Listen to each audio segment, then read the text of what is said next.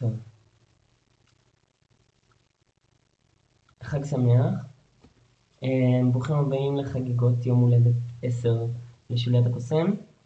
אה, אני אחכה כמה דקות לראות אם בכלל אני מדבר לאנשים או רק לעצמי, כי אין לי מושג מה אתם עושים הערב. אה, אז למעשה ברגע שיהיה כאן בן אדם אחד, מבחינתי זה מספיק בשביל להתחיל.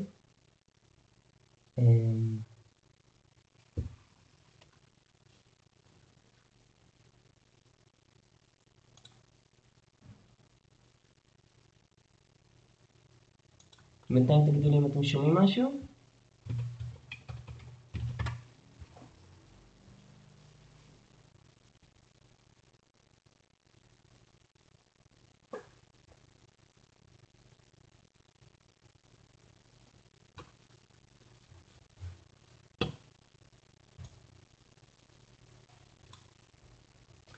טוב, אז התוכנית שלי הייתה כזאת, שברגע שזה מתחיל, בגלל שאני לא יודע כמה אנשים יהיו, או, ניר, אוקיי. טוב. ניר כאן, מבחינתי זהו, זה מספיק. זה ציור של ניר פה מאחוריי. אמ, טוב.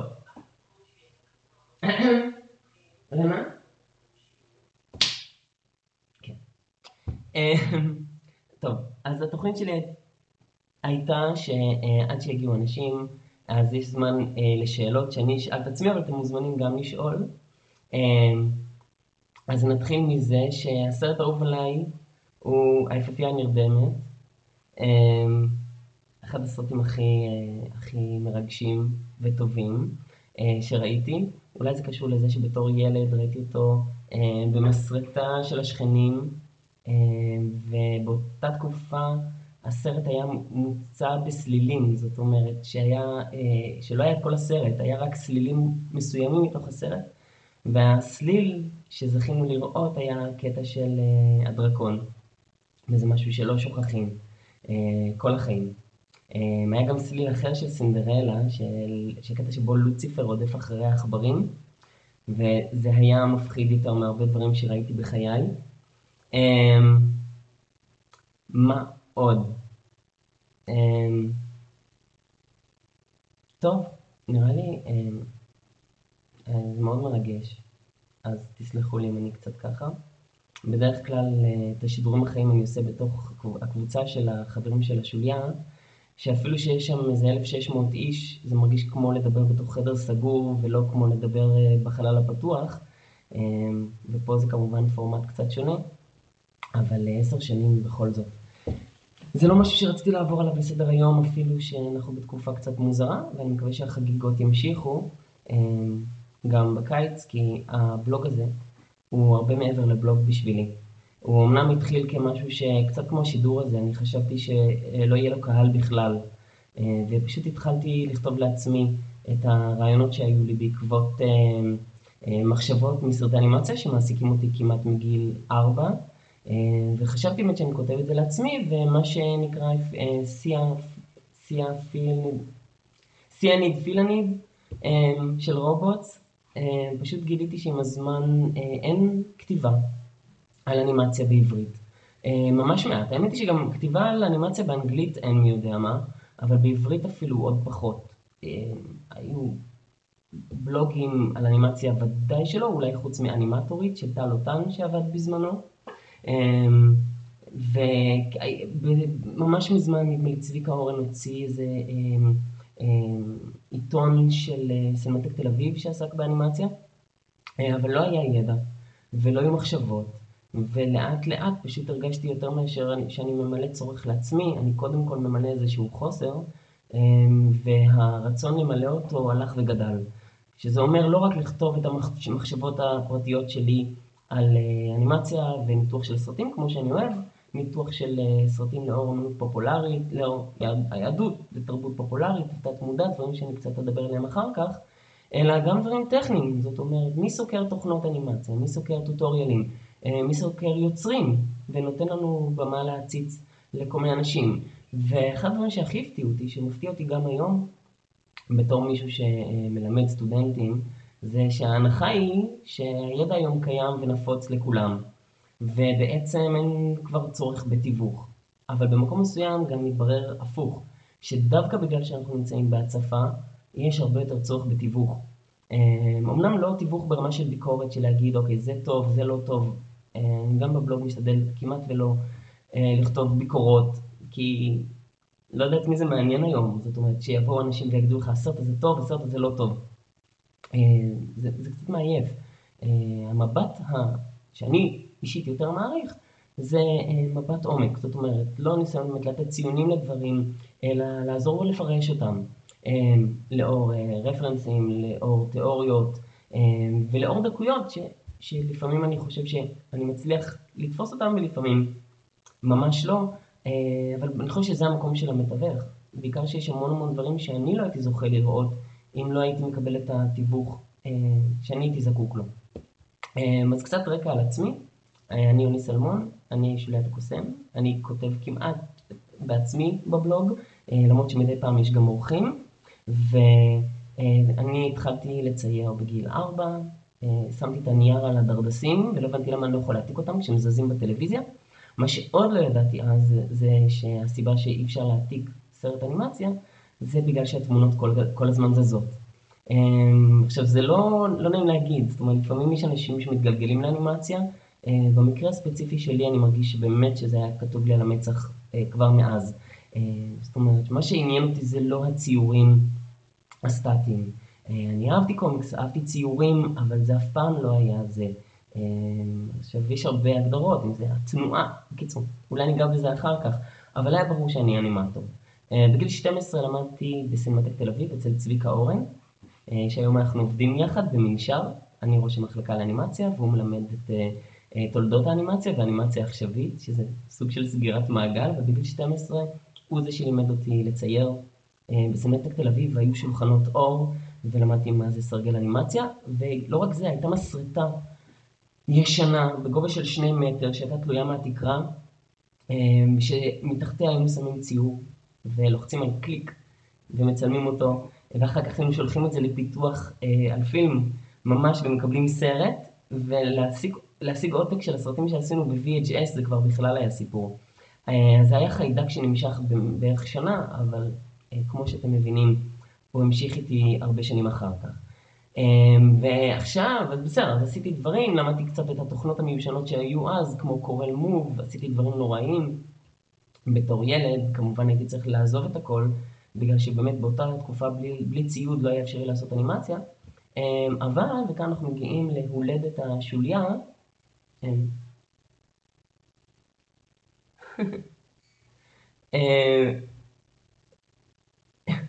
כן, סליחה. נירגו.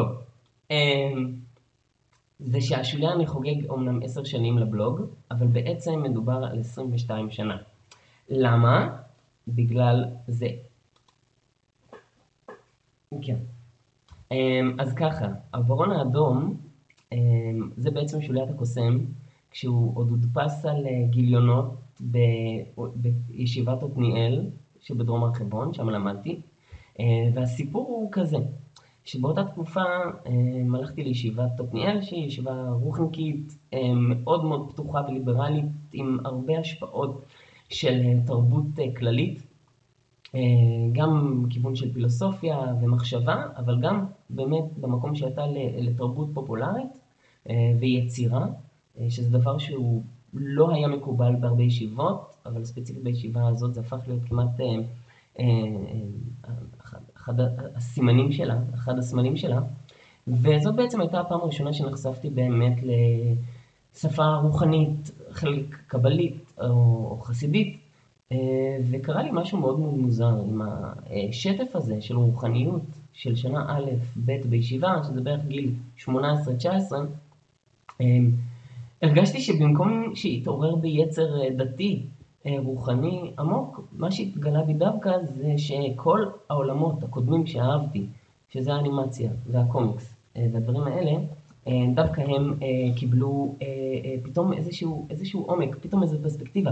עד כדי כך שהרגשתי בהרבה מקומות שאני נחשף לאורות, עם מירכאות או בלי מירכאות, יותר גדולים מההסתכלות שלי על סרטים מצוירים, לא פחות מאשר השיעור הכללי של הרב. לא שאני משווה. אבל בהחלט היה כאן איזה, איזה מימד של, של התגלות, שלפעמים גבל, איך אני אקרא לזה?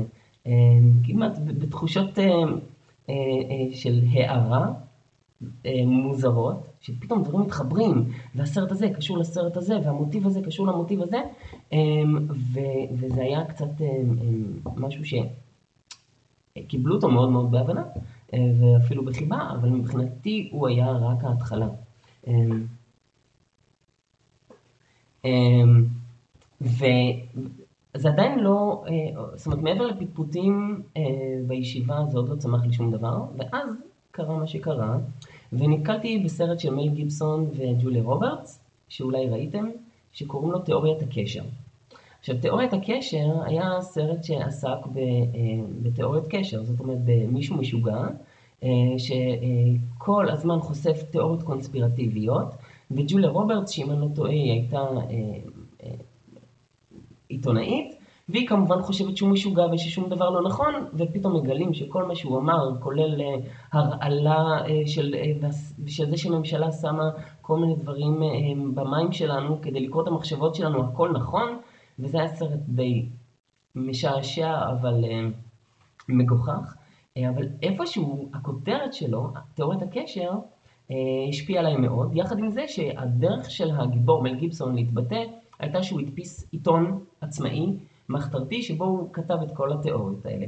ובמקום מסוים לי זה התלבש כמו כפפה ליד אה, לרעיונות האלה. כי מבחינתי היה משהו אה, קונספירטיבי בעצם ההגדרה שיש תת מודע קולקטיבי, שהתרבות האנושית מספרת את הסיפור שלה אה, על ידי משהו שנתפס מאוד אה, שולי וילדותי, כמו אנימציה, וכמו הסיפורי אגדות שאנחנו רואים, והם מכילים בתוכם איזשהו אה, צופן, שהוא קודים פנימיים של התרבות האנושית שבעזרתם, כמו שאומרים בסטורי טלר של ג'ים הנסון, האנושות, התרבות האנושית מספרת את העבר שלה, היא חווה את ההווה שלה וחוזה את העתיד שלה בעזרת סיפורים.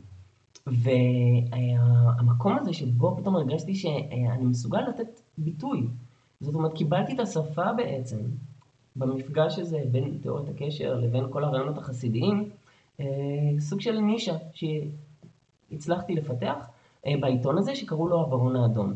עכשיו בהתחלה קראו לו הברון האדום כי, לא יודע אם מישהו יודע, אבל הברון האדום הוא הנמסיס של סנופי מפינאץ. מה שלא ידעתי באותה תקופה זה שהברון האדום היה טייס גרמני שנלחם. בקיצור, אז, אז הברון האדום פינה את מקומו והייתי צריך למצוא שם אחר, והשם שעלה, אם אני לא טועה על ידי אחותי, היה שוליית קוסם. עכשיו, כמו הרבה דברים, גם בבלוג הזה וגם בעיתון שקדם לו, יש דברים שבהתחלה נשמעים לך סתם נחמדים ומגניבים, ואני אכבד את ברשותכם. יש דברים שנשמעים נחמדים, ורק אחרי שנים אתה מבין כמה שהם נגעו בך בצורה עמוקה. שוליית הקוסם הוא לא רק יצירה מדהימה שחוגגת השנה 80 שנה, אלא באמת היא, היא, היא נוגעת ברובד המטה של יצירת האנימציה. זאת אומרת, כמו ש... אומרת, אין, יש כל מיני יצירות מטה, יצירות שעוסקות ביצירה עצמה, אבל שוליית הקוסם הוא סרט שדיסני עשה על, על, על, על, על היצירה עצמה ועל יצירת האנימציה עצמה. חפרתי על זה בעבר, אני יודע לחפור על זה בעתיד, אבל בגדול יש לנו שם כמה רמות של האנשה. יש לנו את וולט דיסני היוצר, יש לנו את הקוסם שקוראים לו ין סיד, שזה בעצם דיסני בהיפוך אותיות, יש לנו את מיקי מאוס ויש לנו את המטאטא, שהמטאטא גם הוא כביכול מקבל חיים, אבל בעצם הוא גולם, זאת אומרת, אין לו באמת חיים, הוא מה שנקרא motion graphics, בלי להעליב אף אחד. זאת אומרת, זה, זה, זה עיצוב והוא זז, אבל אין בו את האנימה, אין בו את הנפש. וכשאנחנו מחפשים מה עושה לנו את זה, או לפחות מה עושה לי את זה באנימציה, אז זה בהחלט הנפש. הנפש לא רק ברמה של הנה אני יוצר דמויות, שזה כמובן חלק חשוב מזה, אלא גם באמת סוג של הרפלקציה הזאת שקיימת לאנושות, שאנחנו מסוגלים לראות את עצמנו משתקפים כתרבות, דווקא ביצירה שהיא כאילו נחותה מאיתנו. זה עכברים מדברים. איך אמר השופט דום ברוג'ר רביט? שאם יבנו אוטוסטרדה אז לאף אחד כבר לא יהיה אכפת מעכברים מדברים, ובעצם כל אחד מאיתנו בתור צופה, אז uh, צריך לבחור האם הוא בוחר באוטוסטרדה, האם הוא בוחר בלנסוע מהר ובקדמה ובדברים של מבוגרים, או שהוא יודע לעצור ולהקשיב לעכברים מדברים. עכשיו, זה מצחיק, כי כל הרעיונות שליוו אותי בזמנו אה, עם הולדת הבלוג לא דעכו. לא, לא 20 שנה אחרי העיתון החצי מחתרתי, וגם לא אה, 10 שנים אחרי שהבלוג יצא, מסיבה פשוטה, ש...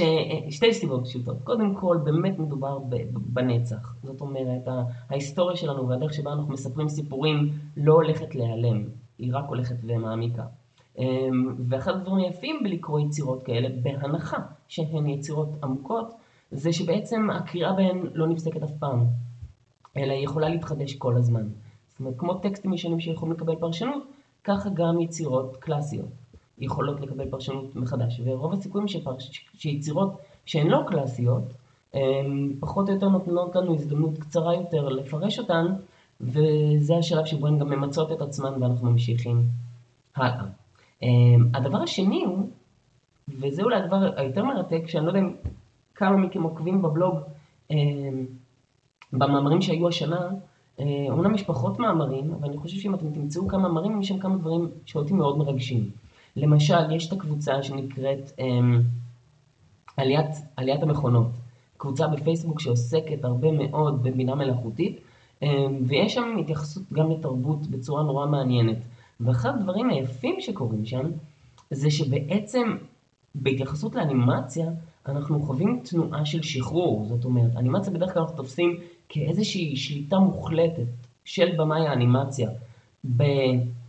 ביצירה. אה, כמו שברד בירד אמר, כל החלקים של הבאפלו. אנימטור שולט בבימוי, הוא שולט במשחק, הוא שולט בעיצוב, הוא שולט ברקעים. אמ, ואיפשהו הבינה המלאכותית והאוטומציה כאילו גורמים לנו פתאום ללכת צעד אחורה אה, מהשליטה, אבל מבחינות אחרות הן כן נותנות לנו דווקא מבט אחר על האנושות. אה, זאת אומרת, מה קורה כשאתה באמת משחרר את היצירה שלך ונותן לה חיים משל עצמה? והמקומות האלה מרגשים לא פחות מאשר אה, עולם האנימציה הקלאסית, שאני נורא נורא אוהב, ואיפשהו אומר שבעצם התהליך שלנו בלחקור אנימציה ובלחקור את היחס הזה בין יוצר ויצירה, תרבות ותוצרי תרבות, אה, לא רק שהוא לא הולך להסתיים, אלא להפך. אנחנו נמצאים בתקופה שבה אנחנו כמעט אה, כמו בקפלה הסיסטינית, הנוגע לא נוגע, אז אנחנו ממש יכולים להרגיש את זה עם, אה, עם, עם דמויות האנימציה שלנו. המקום שבו אנחנו באים ואומרים, לעולמות התרבות שלנו, צאו לחופשי, אה, תהיו עצמאיים. ואני חושב שבמקום מסוים זה הגרעין שמלווה אה, את המחשבה, את צורת החשיבה שלי על הבלוג מאז ומעולם.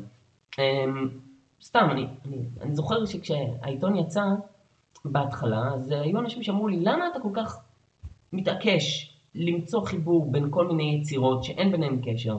בין אה, אליסה בארץ פלאות, והיפה והחיה, ולא יודע מה. הם, הם, כאילו היום זה יותר הם, הם, Ready Player One, אה, ורלף ההורס, וכל מיני דברים, ואני מנסה להסביר להם מה שהיה נכון לפני 20 שנה ונכון גם, גם היום, שאני לא עושה את זה. זאת אומרת, זה קורה מעצמו. העולם של התרבות, לא רק שמשוחרר מהיוצר, שזה כבר הפך להיות די מובן מאליו, אלא הוא גם הם, אה, משוחרר מהצורך שלנו לחבר דברים, אלא להפך. אה, כמו שמיכאל אנג'לו אמר, שהפסל כבר, הדמות כבר נמצאת בתוך האבן, כשאנחנו מפסלים, אז בעצם הסיפור האחד שעומד מאחורי כל הסיפורים, אה, קיים כבר. לרוחבה ולאורכה, ואחורה וקדימה של התרבות הפופולרית. אה, וכל מה שאני אומר לכם היה, לפני שהכרתי את הגיבור בעל אלף הפרצופים של ג'וזף קמבל, אה, ויצירות מטה אחרות וקומיוניטי אה, וכל מיני דברים, זאת אומרת, מה שהיום כבר הפך להיות כאילו כמעט obvious, אלא באמת משהו ש, שדורש מאיתנו הקשבה. אה, פחות יצירה, אלא קודם כל לתת הזדמנות לדברים. וכאן רציתי לקשר את זה קצת לפסח, באחת הרשומות הישנות שהופיעו בבלוג, ואני לא יודע, כאילו יש 900 רשומות בבלוג, שזה אומר שבעשר שנים יש בממוצע 100 רשומות.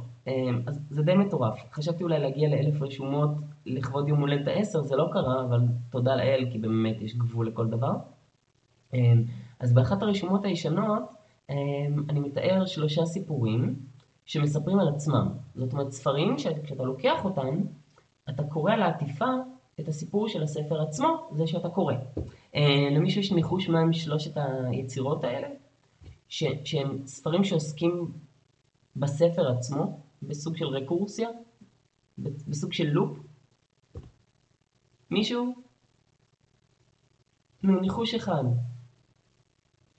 טוב, אז אני אגיד. אז היצירה הראשונה היא הסיפור שלא נגמר.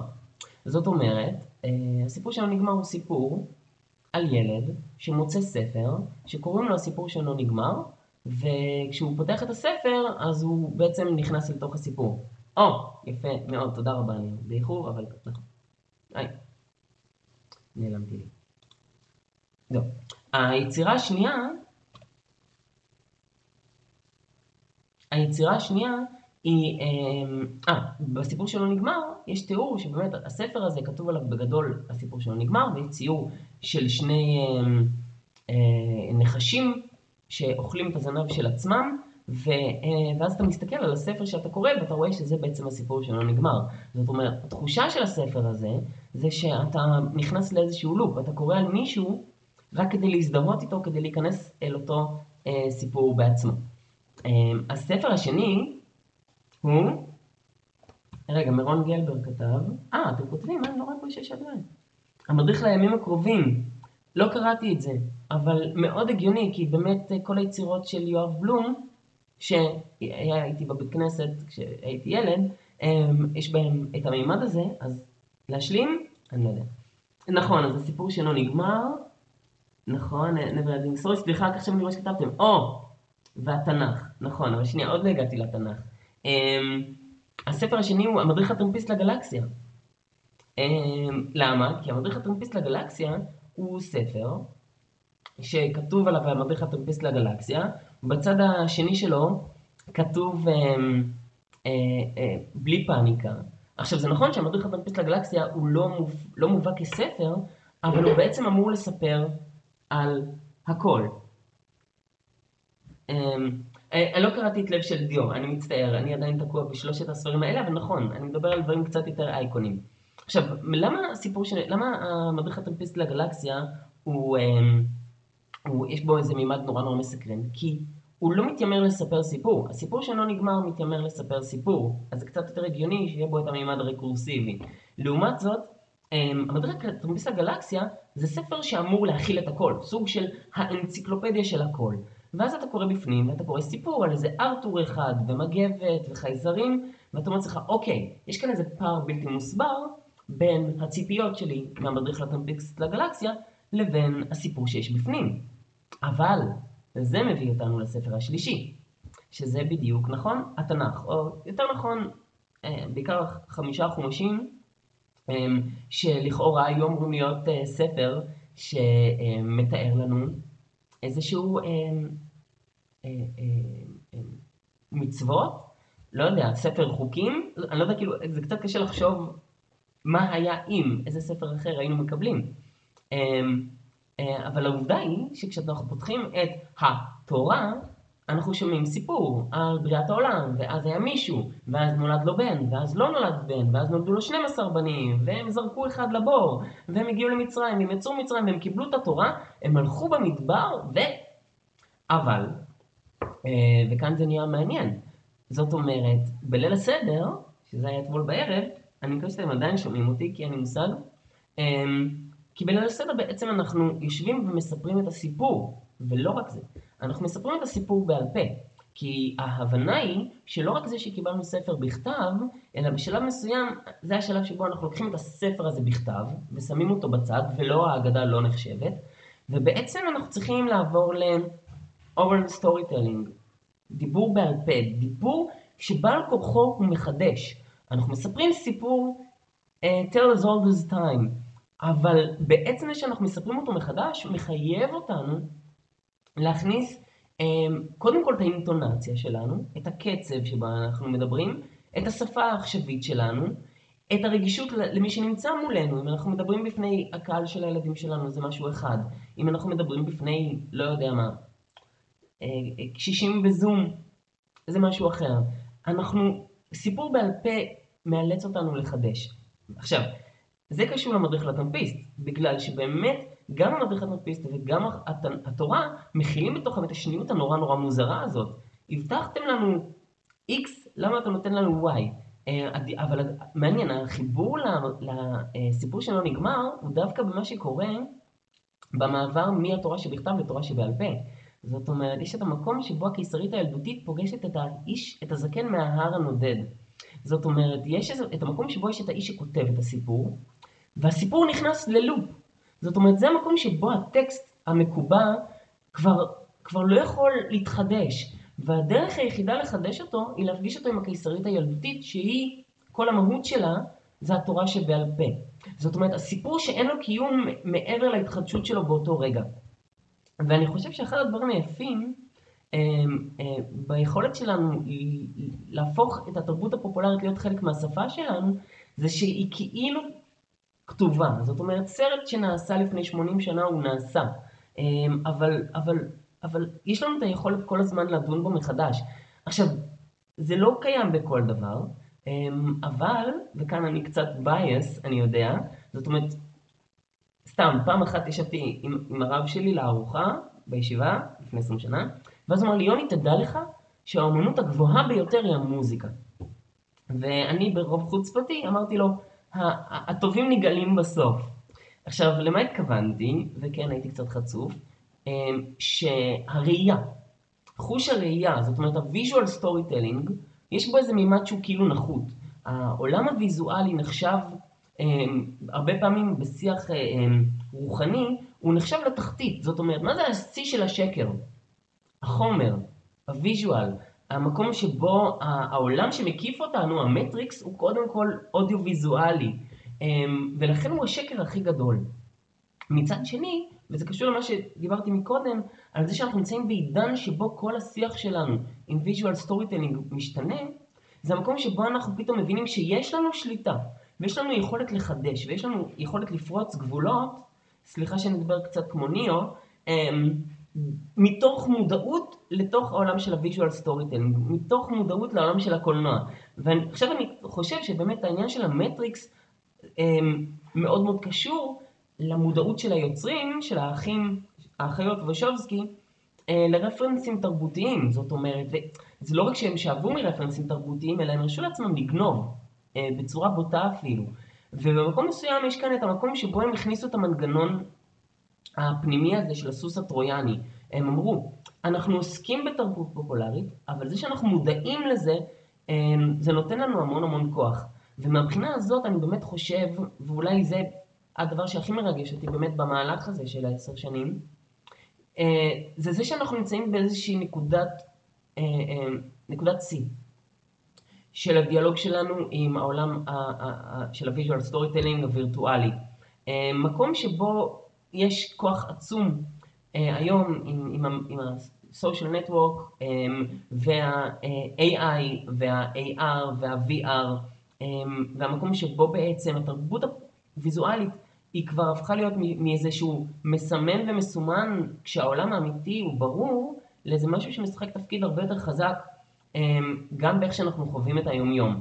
עכשיו יש בזה משהו שהוא טיפה מאיים, כי אנחנו אומרים לעצמנו, אוקיי, אנחנו נאבד את הגבול בין מציאות ודמיון, כמה נורא זה יהיה. אבל, אמ, יש את הקטע של אמ, הקיסר נפל על הראש, שהוא אומר לו, אנחנו בדרך ליפול ממפל מים ענקי, נכון? bring it on. זאת אומרת, מה קורה במקום לפחד אה, מאובדן העוגן המציאותי, אה, אנחנו נתחיל ליהנות מזה, ונתחיל לראות בווירטואליות, אה, בווירטואליות איזושהי אה, יכולת לפתח שפה חדשה כדי להסתכל על האנושי אה, כאיזשהו פתח, פתיח לעידן חדש, שהוא אולי פוסט אנושי במובנים מסוימים, אבל הוא לגמרי לא פוסט הומניסטי. אלא מקום ההפך, מקום של הרחבה של האני. ואני מודה שבמקום הזה אני באמת פנטזיונר. אפילו הייתי אומר, אני, אני קצת משיחיסט של דמויות מצוירות. אמ, אחד הקמפיינים שניסיתי להרים השנה, בחוסר הצלחה מוחלט, היה לשחרר את מיקי. אמ, כמו שאתם יודעים אולי או לא, אה, חברת וולט דיסני מחזיקה את מיקי אה, כדמות, הדמות, המותג, בכבלים של זכויות יוצרים.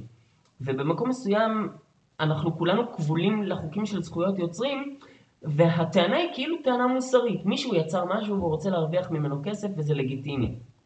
אבל המשמעות העמוקה היא אה, סותרת בדיוק את מה שאני מנסה לעשות כאן איתכם.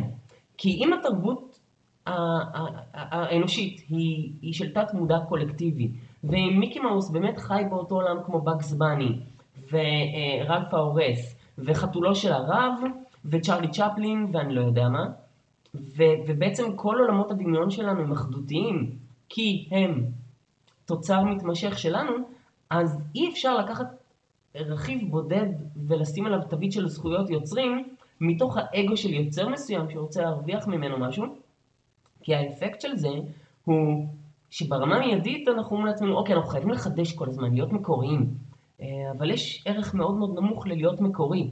אף אחד לא היה מקורי אי פעם. כל קומה בתרבות האנושית נבנתה על גבי הקומה שלפני, כפרשנות, כפרודיה, אמ, כהערצה אפילו, אבל תמיד כקומה נוספת.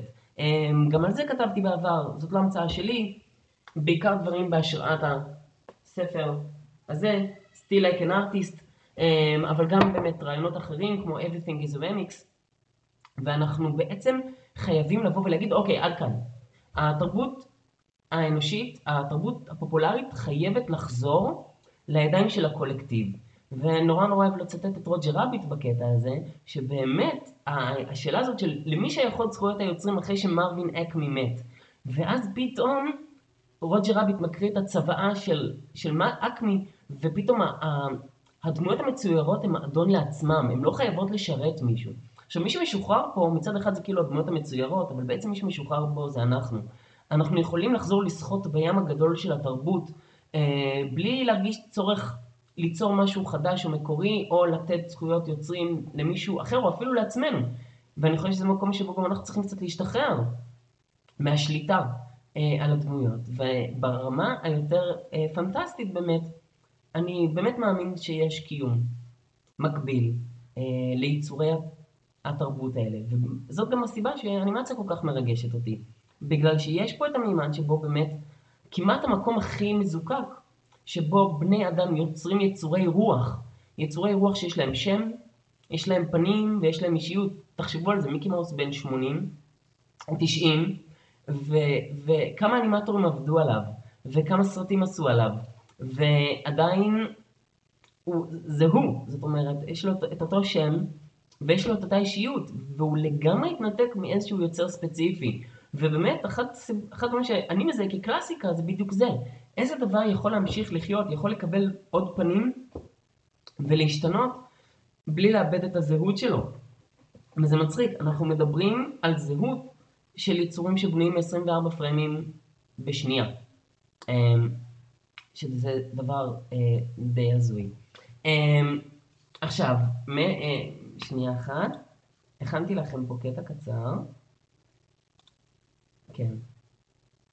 זה מתוך עץ ועלה של טולקין, אמ, שבו הוא מדבר בעצם על הנקודה הזאת. ו, וכמו שאמרתי, אני לא חשבתי בהתחלה לשם שוליית הקוסם, ורק עם הזמן הרגשתי כמה שזה נוגע לי, שזה קשור להרבה דברים. זאת אומרת, גם, גם ברמה המקצועית, אני תמיד מרגיש אה, שוליה, אה, שוליית אנימטור. וזה לא, לאו דווקא בגלל שיש אה, בי איזו הערצה לאיזה מנטורים, ל-9 old man או משהו כזה, אלא וסליחה על הדוסיות, אבל אה, אה, להיות אנימטור זה תמיד להיות שוליה, אתה תמיד שוליה של מי שברא אותך, ומי שנתן לך חיים, וכשאנחנו שואלים את עצמנו שאלות על הזהות שלנו, ועל אה, מי זה אני, ו- ומה קוהרנטי ביצירה הזאת שנקראת אני, בעצם השאלה הזאת היא גם שאלה שאנחנו שואלים לגבי הדמויות המצוירות שלנו.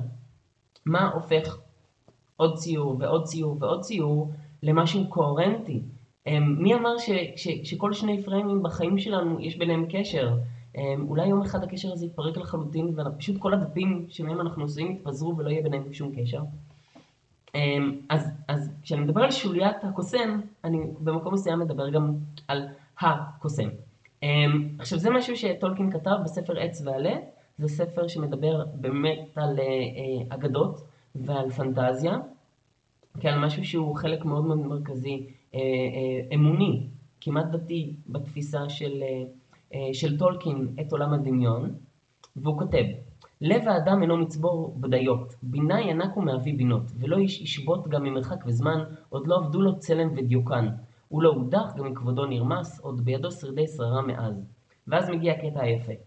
אדם בורא משני, בו משתבר אור קרן לבנה, ושוב חוזר, בשלל גוונים וכך הוא משתלב, ביצירת דמויות מלב אל לב. ידינו בשדים מלאו עולם, פיות זרינו ובנינו גם, אלים ובני שטן מאור ושחור, קרינו בור, זכותנו היא לבחור, גם אם ברע זכותנו לא מוגרע, בצלם בו נבראנו עוד נברא. אמ, וזה באמת אמ, אחד הדברים היפים, זאת אומרת, הסיבה שאנחנו יכולים ליצור היא בגלל שאנחנו לא אגואיסטים. בגלל שאנחנו יודעים שבמקום מסוים כשאתה באמת יוצר דמות חדשה, אז האור שמגיע, הוא, הוא נשבר, ואתה אף פעם לא יודע האם היצירה שלך תבטא צדדים אפלים בך, אה, או צדדים טובים, אולי יותר טובים ממי שאתה, שאתה תופס, כמו שאתה תופס את עצמך ביום יום, אולי יותר רעים, אה, אבל אי אפשר באמת ליצור בלי לשחרר את המקום הזה. וזה נכון לגבי כל יצירה, אבל בעיקר ב- ביצירה של, של דמויות מצוירות, שזה המקום שבו אתה באמת אומר, אני משחרר. אה, ואחד הדברים שאני באמת אוהב בסוף של שוליית הקוסם, כמו שוולט דיסני עשה את זה, זה שאחרי שמיקי מאוס עשה את כל הצרות שלו, אז uh, הקוסם לוקח את המטאטא ונותן לו פליק בטוחס, ומעיף אותו משם. ויש איזה מקום שבו באמת רואים שהקוסם לא כועס על מיקי מאוס, הוא, הוא, הוא מקבל אותו מאוד באהבה. ואני חושב שבמקום מסוים זה בא מהמקום הזה של אתה לא יכול לכעוס על עכבר מדבר, על, על מישהו שהוא, שהוא כמו הבן שלך, אתה יוצר אותו, אתה יודע ש... בעל כוחך הוא ימרוד בך, הוא יאכל מהפרי האסור, הוא יעשה שטויות, הוא יהיה עם קשה עורף, הוא יעשה לך צרות, אבל אין, אין לי דרך להגיד, אבל it's all part of the plan. זאת אומרת, אם, אם אנחנו רוצים שהדמויות שלנו יהיו כמו שלנו, שאנחנו, אם אנחנו רוצים שהיצירות שלנו יהיו רק שיקוף של מה שאנחנו חושבים שהוא טוב, שהוא אידיאלי או אני לא יודע מה, אז, אה, אז, אז בעצם לא עשינו כלום. והדיאלוג הזה, עם, עם להוליד ילד, להוליד יצירה ולנהל את הדיאלוג, הוא, הוא, הוא דבר ש, שבשבילו אנחנו עובדים. ובאמת, לפעמים אני מסתכל כאילו, הנה, נגיד, ניקח את ניגון. אחד הדברים הכי טובים שקרו לי בשנים האחרונות, תודות לאלון רותם, השותף שלי בסרט הזה, זה שכשאתה יוצר את הסרט, באמת אין לך מושג מה יצא. זה נורא נורא מפחיד. אתה סופר ביקורתי כלפי עצמך, אה, אתה לא בטוח שמה שאתה רוצה להגיד עובר, ואולי חס וחלילה דברים שלא רצית להגיד, דווקא הם אלה שעוברים. ואז לוקח הרבה מאוד זמן לקבל את היצירה כמו שהיא, אה, ולאהוב אותה. ואז זה מקסים. אה, כי גם קורה לי עדיין שלפעמים אני אומר לעצמי, יש בזה משהו ש... שאני מבין עכשיו שלא הבנתי קודם לגבי הסרט הזה. ואני מקווה שיבואו עוד אחריו. זהו, אז, אז הבלוג עד, כאילו עד כאן פחות או יותר ההרצאה, משהו כזה. ואני חושב, אה, אוקיי, כן, יש עוד, יש עוד כמה דברים אה, חשובים. אז קודם כל, אה, תודה לכם שבאתם, אה, וזה לא מובן מאליו, זה לא, אני לפעמים רומז את זה, אבל לבלוג יש באמת 900 רשומות, אבל מעט מאוד פידבקים. זאת אומרת, אני לגמרי עובד בוואקום. ובגלל שקיבלתי על עצמי מההתחלה שהבלוג הזה הוא קודם כל בשבילי, אז השלמתי עם זה ואין לי בעיה עם זה, אמ, אבל אני כן מבקש, כאילו, אם אתם יכולים, אז אמ, אם משהו בבלוג, במאמרים, בחומרים, נגע בכם, מעניין אתכם, יש לכם בקשה, שאלה, אז תגידו. אמ, כי אני, זה לא סוד, כאילו, אני מרגיש את זה קצת כמו שליחות, ומצד שני, זה, זה, זה קצת בודד. כי כמו שאמרתי, אין הרבה מקומות שכותבים על אנימציה, מאז שהתחלתי לכתוב אז כן צצו כל מיני דברים, יש את מונפש אה, של אה, דניאלה קופלר וטל אה, קנטור וחן חפץ שכותב על אנימציה אבל לא הרבה, אין הרבה אוצרות של אנימציה. פורטפוליו התחיל קצת לכתוב, ואני מאוד מקווה שיהיו עוד. הייתה לי שיחה מאוד מעניינת לפני שנה עם רוני אורן, ואני קצת אחשוף בפניכם את, ה, את, ה, את הצדדים הפחות בטוחים בי. אמ, שבאמת אני הרגשתי, אוקיי, איזה סוג של אנימטור אני? האם אני מה שרציתי להיות? וכמובן אני רוצה ליצור יותר והכל. ורוני אמר לי, תדע לך שהמקום של כתיבה על אנימציה הוא מקום ראוי, הוא מקום בפני עצמו, ו- וזה הפיל לי איזשהו, איזשהו אסימון. זאת אומרת, במקום מסוים, בגלל שאין הרבה כתיבה על אנימציה, אז גם לא הייתה לי שום אמת מידה גם לגבי איכות הטקסטים והרעיונות, אה, וגם בכלל לגבי הצורך בהם. אה, בעצם זה שקיבלתי פידבק ממישהו כמו רוני אורן, אה, עזר לי להגדיר את זה קודם כל כסוגה, כמשהו ש, שיש בו צורך, מעבר לזה שמה שבאמת אני רוצה לעשות, או חלקית לפחות, זה להיות קודם כל אנימטור, קודם כל להיות יוצר, ולא מישהו שכותב על. מצד שני, אני מאוד משתדל שהכתיבה שלי על תהיה כתיבה את. זאת אומרת, כתיבה מבפנים. אני לא מסתכל על יצירות פנטזיה, ולא מסתכל על תרבות פופולרית כחיצוני להם, אה, גם כשאני מנתח, אלא להפך, כסוג של מבקר, מישהו שנכנס לתוך העולמות האלה, ו- ונותן להם לחיות בתוכו, ומתוך זה אה, לכתוב. אה, אבל כמו שאמרתי, אני, אני כן צריך את, ה, את, ה, את הדיאלוג הזה. ואומנם יש קהילה של 1,600 איש, קבוצת פייסבוק של החברים של השוליה, אמ, אבל בעיקר קולי נשמע שם, זה הזמן להגיד תודה למי שכן מגיב שם וכותב, כמו אלה בן יעקב, ואוסי, אוסי ולד, ותמי ברנשטיין, ויוני פינקלשטיין, ועוד אחרים, אה, שממש תודה לכם. מורן סומר, אמ, שזה ממש מחיה אותי, ממש, אה, כי, כי זה, זה מה שחשוב לי שיקרה. זאת אומרת, אני חושב שהדרך שלנו ליצור יצירה חדשה היא, היא מלקחת ברצינות את, ה, את התחום שלנו. וכמו שאמרתי, זה מעבר לאנימציה. זה בעצם להחזיק את הגחלת הזאת של, תת מודע קולקטיבי, יצירתי. אמ, אחד המקומות שבשנים האחרונות אני כן מרגיש שאני יכול לחלוק את זה, זה עם כל המאמרי וידאו. אני אומנם חולק אותם קצת יותר מדי, אבל הרבה מהם באמת עוסקים באנימציה.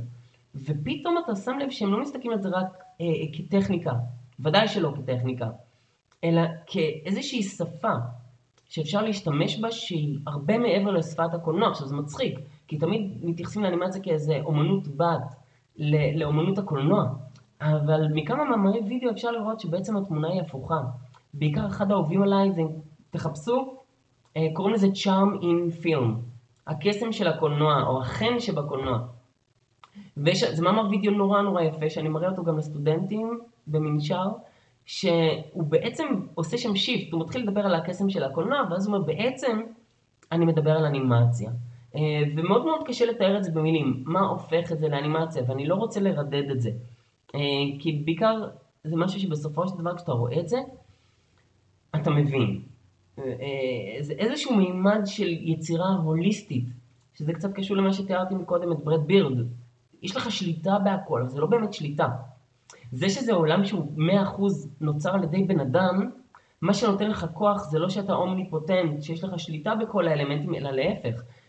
שאתה פתאום רואה מה זה בריאת עולם, רואה מה זה משהו שהוא מקיף אותך all around, ומזמין אותך לעולם אחר, אה, וזה, וזה אירוני.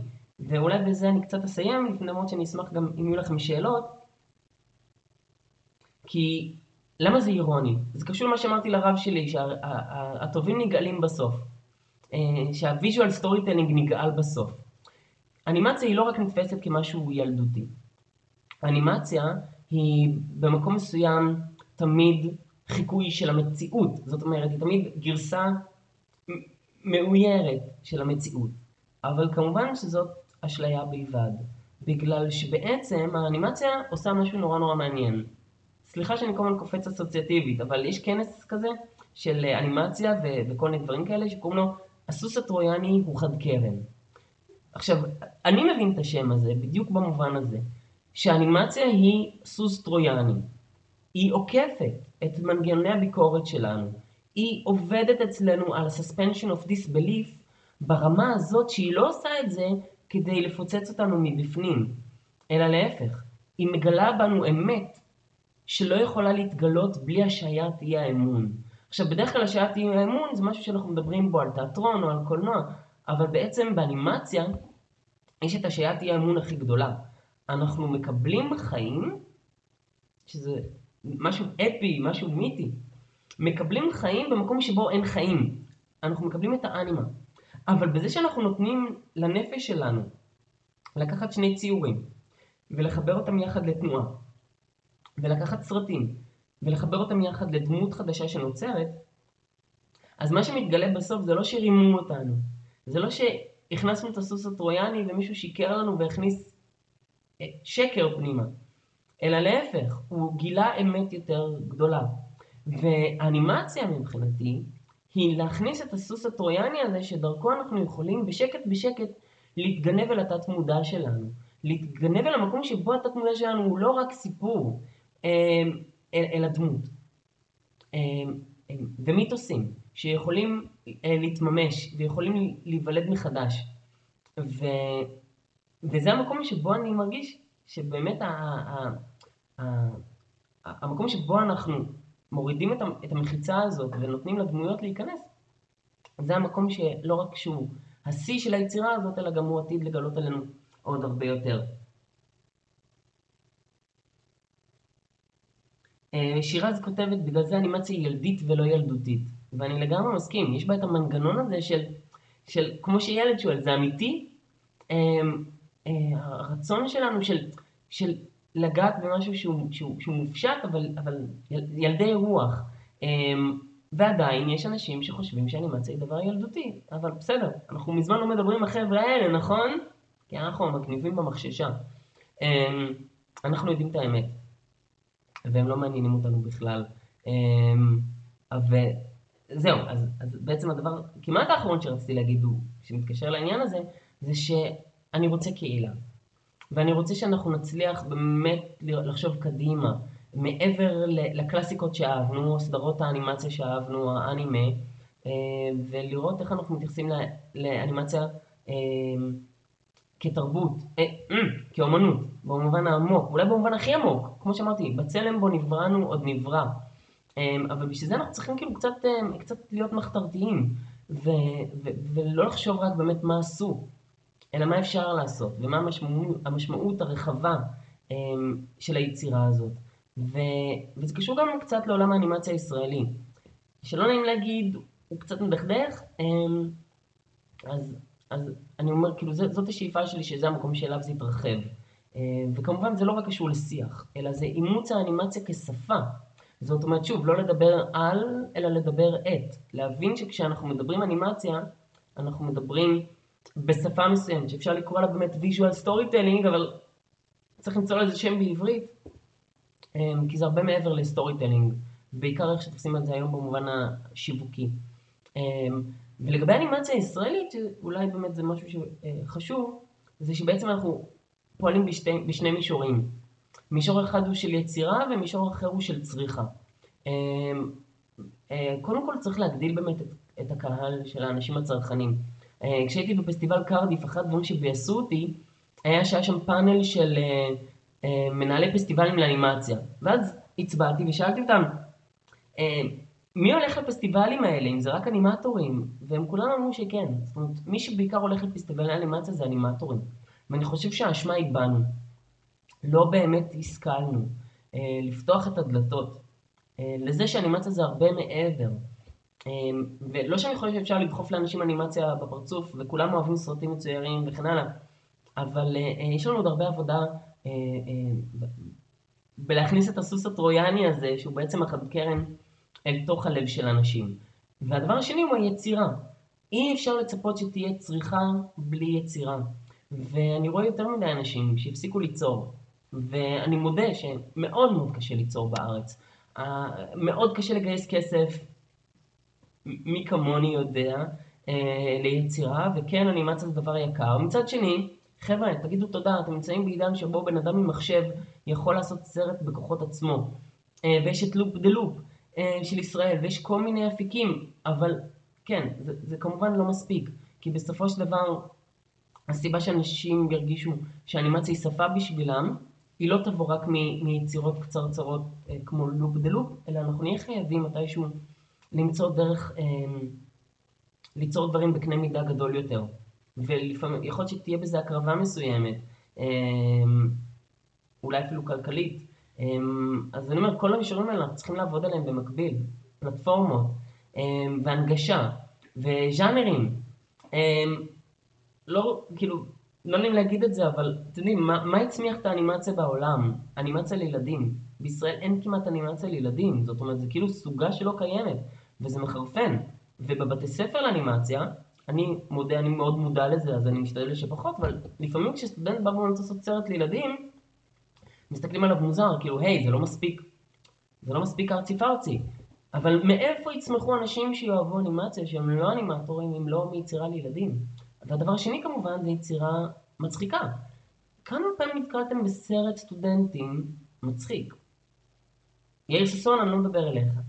אמ, אין, אין כמעט, זאת אומרת, כאילו סטודנט שלמד ארבע שנים, הרבה פעמים אומר, אני חייב לעשות סרט נורא נורא חשוב, משהו על המשפחה שלי, משהו מדכא, אבל, לא, לא, מזה לא יצמח קהל של צופים ישראלים. אה, פסטיבלים, כן, אבל גם פסטיבלים קצת מאבדים מה, מהמשמעות שלהם ומהתפקיד שלהם. אז חבר'ה, אנחנו חייבים להצחיק יותר. וכן, זה מבאס, אבל כאילו אני עשיתי סרט על, על בית המקדש השלישי בפוסט אפוקליפסה בירושלים שנחרבה, למרות שיש שם קצת קטעים מצחיקים, לא יודע, זה נחשב. אמ, כן, אני לא מספיק משתמש בזה, אני ארשום לעצמי להצחיק יותר. אמ, אבל, אה, אבל בהחלט, אם אנחנו רוצים כאילו להתרחב, אז אולי זה הדבר הראשון שאנחנו צריכים לעשות. אה, אוהד צורק כותב, זה כל כך נורא שהקהל של פסטיבל אנימציה רק אנימטורים? ודאי. אמ, האם ראית פסטיבל לקולנוע שכל מי שמגיע אליו זה קולנוענים? מבחינתי זה קטסטרופה, זה סוג של, של תקיעות אה, איומה. אה, זה שיש שיח, שיח פנימי, אין בעיה. זאת אומרת, אין לי בעיה שמי שקורא את הבלוג שלי יהיה רק אנימטורים. אבל אנחנו, אנחנו לא יכולים להרשות לעצמנו להיות שם. זאת אומרת, איפה... איפה אנחנו יכולים לעשות בתת מודע קולקטיבי? זאת אומרת, אנחנו לא יכולים להיתקע באותו מקום. אה, יותר מזה אני אגיד לך, אחת הסיבות שתת מודע יכול לעבוד זה בגלל שהוא תת מודע. זאת אומרת, כי אנחנו לא מודעים אליו. וכל העניין הזה של מטא הוא בלוף. זאת אומרת, אנחנו מודעים רק בשביל להעמיק את התת מודע שלנו. אנחנו לא באמת כמו פסיכולוגים, כמו שפרויד אומר לך בוא תדבר על התת מודע שלך. הוא לא באמת רוצה שאתה תחשוף את התת מודע שלך, הוא לא אידיוט. הוא לא חושב ש... שאפשר באמת לקחת פנס ולכוון אותו אל כל יצורי הפנטזיה ופתאום נראה אותם באור. לא. המטרה היא להעמיק. אם אתה תהיה יותר מודע, אתה תהיה מסוגל ליצור משהו אה, יותר עמוק. ושוב, תמיד יש פער. יש את השיח הזה בין הפשטות הילדית, אף אחד לא אמור לגשת לילדים ולהגיד להם, הבנתם את הסימבוליזם שבשלגיה של התפוח שזה בעצם בגרות מינית? לא, אנחנו לא אמורים להגיע לזה, נכון? אנחנו אמורים להישאר ברובד התמים. אה, גם לסטודנטים אני אומר את זה, שאחד הדברים הגרועים בלהיות סטודנט לאנימציה, זה שאתה פתאום לוקח את האהבה שלך, ואתה אומר, עכשיו אני אסתכל אל תוך מפעל הנקניקיות הזה, ואני אראה איך כותבים סיפור במקום ליהנות ממנו, ויש בזה משהו שהוא נורא נורא מתסכל, כי זה בדיוק להאיר את הפנס. מה שאני אומר להם, שבעצם מסע הגיבור, כמו שיש מסע הגיבור אה, הסיפורי, יש גם מסע הגיבור של סטודנט לאנימציה. שבו בהתחלה אתה בא כי היי, אני אוהב סרטים מצוירים, ואז מלמדים אותך על bouncing ball, ואז אתה פתאום מגיע אל המקום האפל של הנפש, שפתאום אתה כבר לא רואה את הרוח, אתה כבר לא רואה מאיפה לעזאזל כל הציורים האלה אמורים להוליד משהו חי. ואתה מלא בפשרות, ואתה כותב תסריטים שאתה לא שלם איתם, ואתה עושה משהו ואתה מקבל את זה ביקורת. אבל מסע הגיבור הוא מעגלי. בסופו של דבר אתה אמור לצאת מהמקום הזה, לצאת אדם חדש, לצאת אנימטור, מישהו שהציץ אל העולם האפל, הציץ אל התת מודע, וכביכול הוא איבד מהכוחות שלו כצופה. אה, כי הקסם כאילו כבר לא עובד, אבל בעצם אתה זוכה בכוחות חדשים. אה, עכשיו, בסוף של מסע הגיבור כל אחד מוצא את המקום שלו, יש את אלה שחוזרים הביתה וחוזרים לתמימות שלהם, ויש כאלה כמו פרודו בגינס שבעצם כבר לא יכולים לחזור לפלך, אלא הם חייבים לנדוד למקום אחר ולחיות עם אלפים עד סוף הימים שלהם. אז זה בהחלט לא משהו אה, שפשוט לחיות איתו לכולם. אבל אסור לנו לאבד תקווה כשאנחנו נמצאים ב- ב- בשעה האפלה של הנפש. אה, והשעה האפלה של הנפש מבחינתי היא שיח של אנימטורים לאנימטורים. אם אנחנו כבר איבדנו לחלוטין עם ההבנה שכשאנחנו נכנסים אל המסך, אנחנו צריכים לצאת מהמסך ולחזור להיות צופים, שנהנים, שצוחקים, שהם חווים יצירה בצורה הפשוטה שלה, אז uh, we're lost in translation, uh, הלכנו לאיבוד שם. Uh, ואני מאמין שזה, שזה יכול לקרות. אולי בגלל זה גם אני מאמין שלימודי אנימציה צריכים להיות ארבע שנים, כי פחות או יותר זה מייצג את ארבעת החלקים האלה. תמימות, המעבר של הסף, שנה ג' זה השעה האפלה של הנפש, ושנה ד' זה סרט גמר, זה המקום שבו אתה אומר, אוקיי, אולי, אולי יש לי עוד תקווה. אמ, זהו, ברק דרורי כותב שללמד זה לפעמים מאבק לשמר את האהבה למה שבאת ללמוד. זה לגמרי נכון. אמ, ההוראה שלי והניהול שלי את המחלקה במנשר, היא, היא פשוט הפעילה בי כמה דברים. קודם כל, את הצורך ליצור, כי זה היה החשש שלי, שאני אלמד אנימציה רק ממקום של מישהו שהוא רק עובד בשביל התעשייה, או מלמד. ומבחינתי מורה שרק מלמד זה נורא. באמת, זה קטסטרופה, אפרופו תורה שבעל פה, זאת אומרת, המקום של, של לדבר על משהו שהוא, שהוא, אה, שהוא חי. והמקום השני, וזה קצת כתבתי על זה ברשומה שכתבתי על לימוד storyboard, שבמקום מסוים, לימוד storyboard זה היה המקום שבו הרגשתי אה, אחדות של תוכן וצורה. זאת אומרת, ממש הרגשתי שהשיעורים, סליחה שאני קצת הנחתום שמעיד על עיסתו בזה, כי אני מודה שבאנימציה, בהוראת אנימציה אני מרגיש שונה, שכשאני מלמד סטורי בורד, אז השיעור עצמו הוא סיפור. והשיעור עצמו הוא משהו שהוא לא צפוי, שפתאום כל מיני אסוציאציות מתחברות, אתה מדבר על מסע הגיבור, ואתה מדבר על מגילת אסתר, ואתה מדבר על uh, תנועות מצלמה, ופתאום הכל מתחבר, ואיזה כיף, כאילו, זה היה לי ממש, שנה שעברה זה ממש היה לי איזה חוויה, התרוממות נפש מכל שיעור, איך, איך הכל התחבר כמעט כל שיעור, שזה, אני עד כדי כך שאני לא יודע אם, אם אני אי פעם מצליח לשחזר את אותה שנה. ואני מודה שוב שבאנימציה זה אחרת, בהוראת אנימציה. אולי כי שמה הפער בין התוכן והצורה הוא, הוא הרבה יותר גדול. זאת אומרת, כשאנחנו עוסקים בפריים, כשאנחנו עוסקים בקי פריים, עדיין לא מצאתי את השפה הרוחנית בשביל לדבר על התהליך של קבלת ההחלטות בזמן שאנחנו עושים אנימציה קלאסית. אמ, אבל אני מתארת שגם זה יבוא. אמ, אבל בהחלט, אחד המקומות ש, שבו זה קורה, זה, זה, זה, זה כשהסטודנטים מביאים את החומרים שלהם, ואפשר פתאום אנחנו אומרים מילים, אנחנו נותנים ביקורת, אבל פתאום וואו, כאילו משהו, משהו חדש נוצר, איזשהו אסימון נופל, ואנחנו רואים את הדברים קורים, ואתה יודע כשהם קורים. אם מישהו עושה סרט אימה וזה מפחיד, אז זה קורה.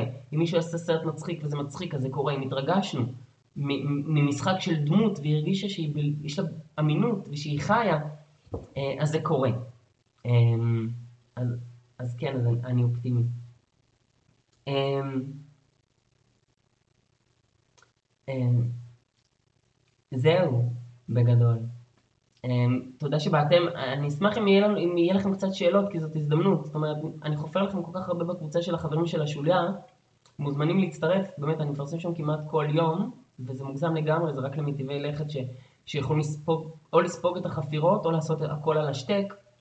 אמ, אבל אם יש לכם שאלות, אז אני ממש אשמח. אולי הייתי צריך לעשות את זה עם, אה, עם live בזום, כדי שתוכלו ממש לשאול. מאיר! איזה כיף שאתה פה. תודה לך. Um, טוב, זה כאילו, זה לא באמת פרידה, אתם יודעים, למרות שיש קצת איזה בעיה בבלוגר עכשיו, שאין כבר פריוויו כל פעם שאני שם תמונות וסרטים, שזה קצת נראה כאילו, דווקא לכבוד החגיגות של העשור לבלוג אני אצטרך לנטוש את הפלטפורמה הזאת, אז אם למישהו יש פלטפורמה חלופית אני אשמח לשמוע עליה. אמ, אז ניר, תודה לך, תודה ש... בקיצור, אתה רוח גבית להרבה דברים, גם אם אתה לא מודע לזה. אמ, ועמית גיצלטר, אז גם תודה. כאילו, מה שעשית באנימיקס האחרון, שהשחלת מילה, זה היה מרגש ממש.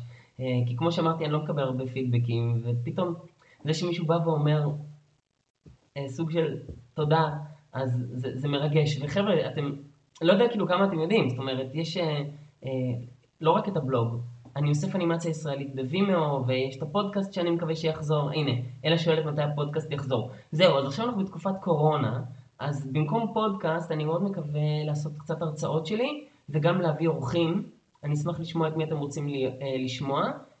לי להב בתכנון, שתדבר על היצירות שלה, וגם אני רוצה להזמין את יונתן וסרמן. יונתן, אתה שומע?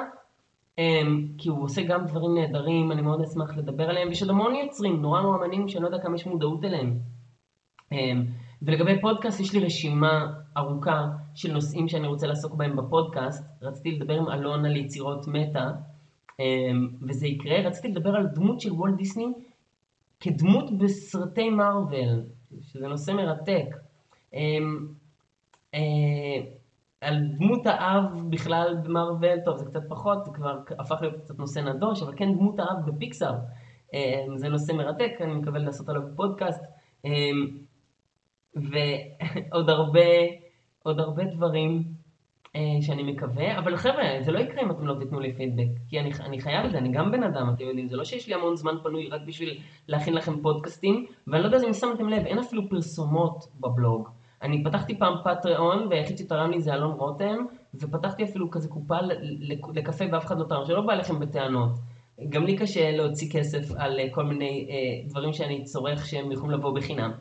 אבל להגיד מילה, לקחת חלק בשיח, זה מאוד מאוד יעזור. אמ, כי אני מוקף באנשים סופר אינטליגנטים, שכיף נורא לנהל איתם שיחה, אמ, ועדיין, אני, אני כאילו, כשזה, כשזה קיים בפלטפורמה היותר רחבה של הקהילה, אני פחות נחשף לזה. וזה זה חשוב לא, לא רק בשבילי. חבר'ה, אנחנו צריכים את זה, זאת אומרת, זה כמו ש... אה, ברק דרורי, הוא השפיע, הוא היה יושב ראש איגוד האנימציה. והוא אה, דאג שהרבה קרנות אנימציה יתאימו, קרנות קולנוע יתאימו לאנימציה. ואני ואלון רותם מגישים כמעט לכל קרן, אפילו שזה סיוט ואפילו שהם לא מקבלים כמעט אף הצעה שלנו, כי הם לא ימשיכו לתמוך באנימציה אם אנחנו לא נגיש בקשות. זאת אומרת, אתה צריך שיכירו בך, אי אפשר שיכירו בך אם לא על כל הצעה כזו של כל קרן יהיו 200 הצעות של אנשים שרוצים ליצור, כי קרנות הקולנוע יגידו, היי, hey, למה שנשקיע ביוצרים אם הם לא רוצים ליצור? אותו דבר אומרים גם לגבי יוצרים אה, ימניים או דתיים. כמה הצעות ימניות או דתיות יש בקרנות קולנוע? זאת אומרת, תציעו, תשמיעו את הקול שלכם ואחר כך תבכו למה לא תומכים בכם. אמ, וגם אני חושב שבאמת אם אתם לא יוצרים לקהל, אתם לא יכולים לבוא בטענות למה הקהל לא שופ... או המדינה לא שופכים עליכם כסף.